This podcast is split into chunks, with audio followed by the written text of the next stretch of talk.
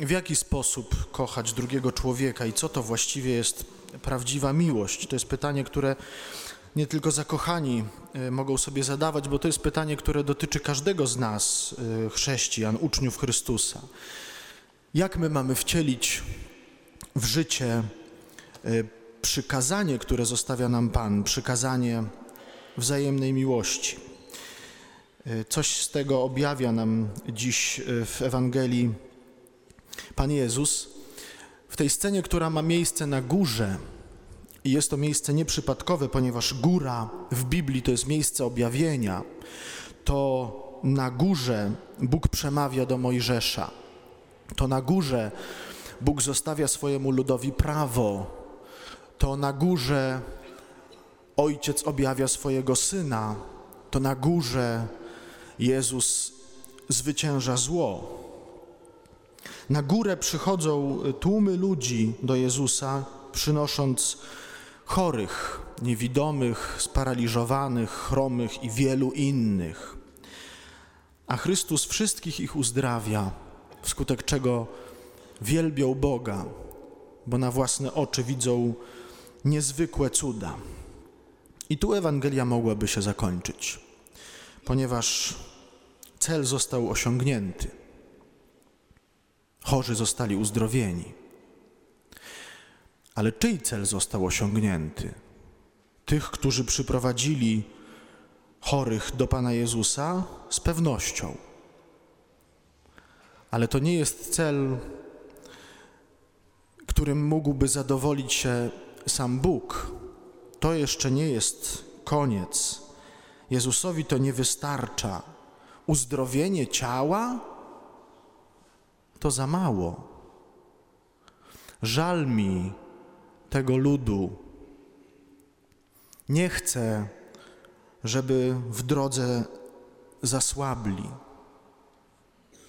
Jezus rozmnaża chleb, karmi wszystkich, którzy się przed Nim zgromadzili, także jedli dosyta, a pozostałych ułomków zebrano jeszcze siedem pełnych koszów.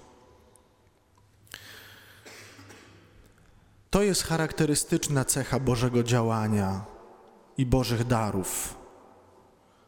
Ten nadmiar, obfitość Bożych darów to jest charakterystyczny rys Bożego działania.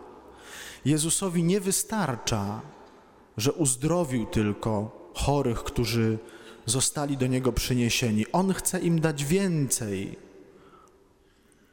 Uzdrowienie ciała to za mało.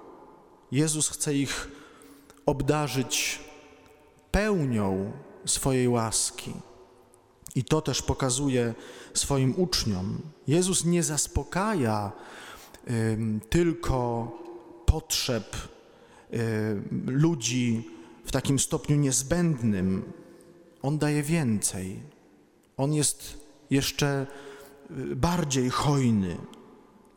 I na to wskazuje nam też dwukrotnie występująca w tej Ewangelii liczba siedem.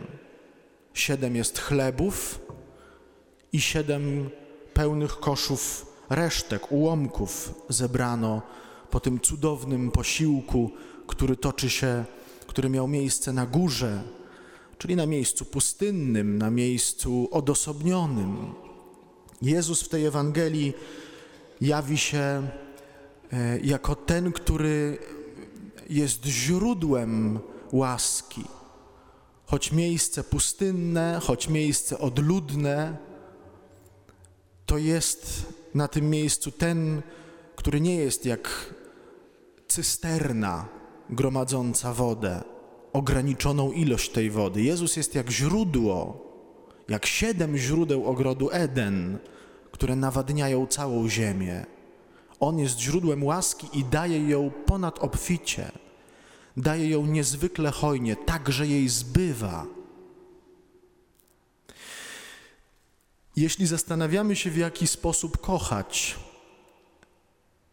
w jaki sposób urzeczywistniać przykazanie miłości, to ten znak obfitości jest dla nas pewną wskazówką. Dać więcej spędzić więcej czasu, pozostać gdzieś dłużej, zrobić pierwszy krok, a nie czekać. Dać więcej, dać obficiej. To objawia nam Jezus w Ewangelii i, i w ten sposób my możemy upodabniać się do Niego, samemu realizując przykazanie miłości, które zostawia nam Pan. Pan daje nam w sposób ponadobfity, także jeszcze zbywa. I my również z obfitości naszych serc, z obfitości też Bożych darów, które otrzymujemy, bo przecież ten cud, o którym mówi Ewangelia, nie dokonał się gdzieś i kiedyś, ale dokonuje się również tu, na ołtarzu, z którego Chrystus karmi nas swoim ciałem. Otrzymujemy obfitość Bożych darów i tymi darami dzielmy się w taki sposób, w jaki sposób obdarza nas sam Pan, ponad obficie. Dajmy więcej, dajmy jeszcze, pójdźmy dalej, zróbmy więcej. W taki sposób będziemy coraz bardziej podobni do naszego Pana, a, Je, a nasza miłość będzie stawać się jak Jego miłość. Amen.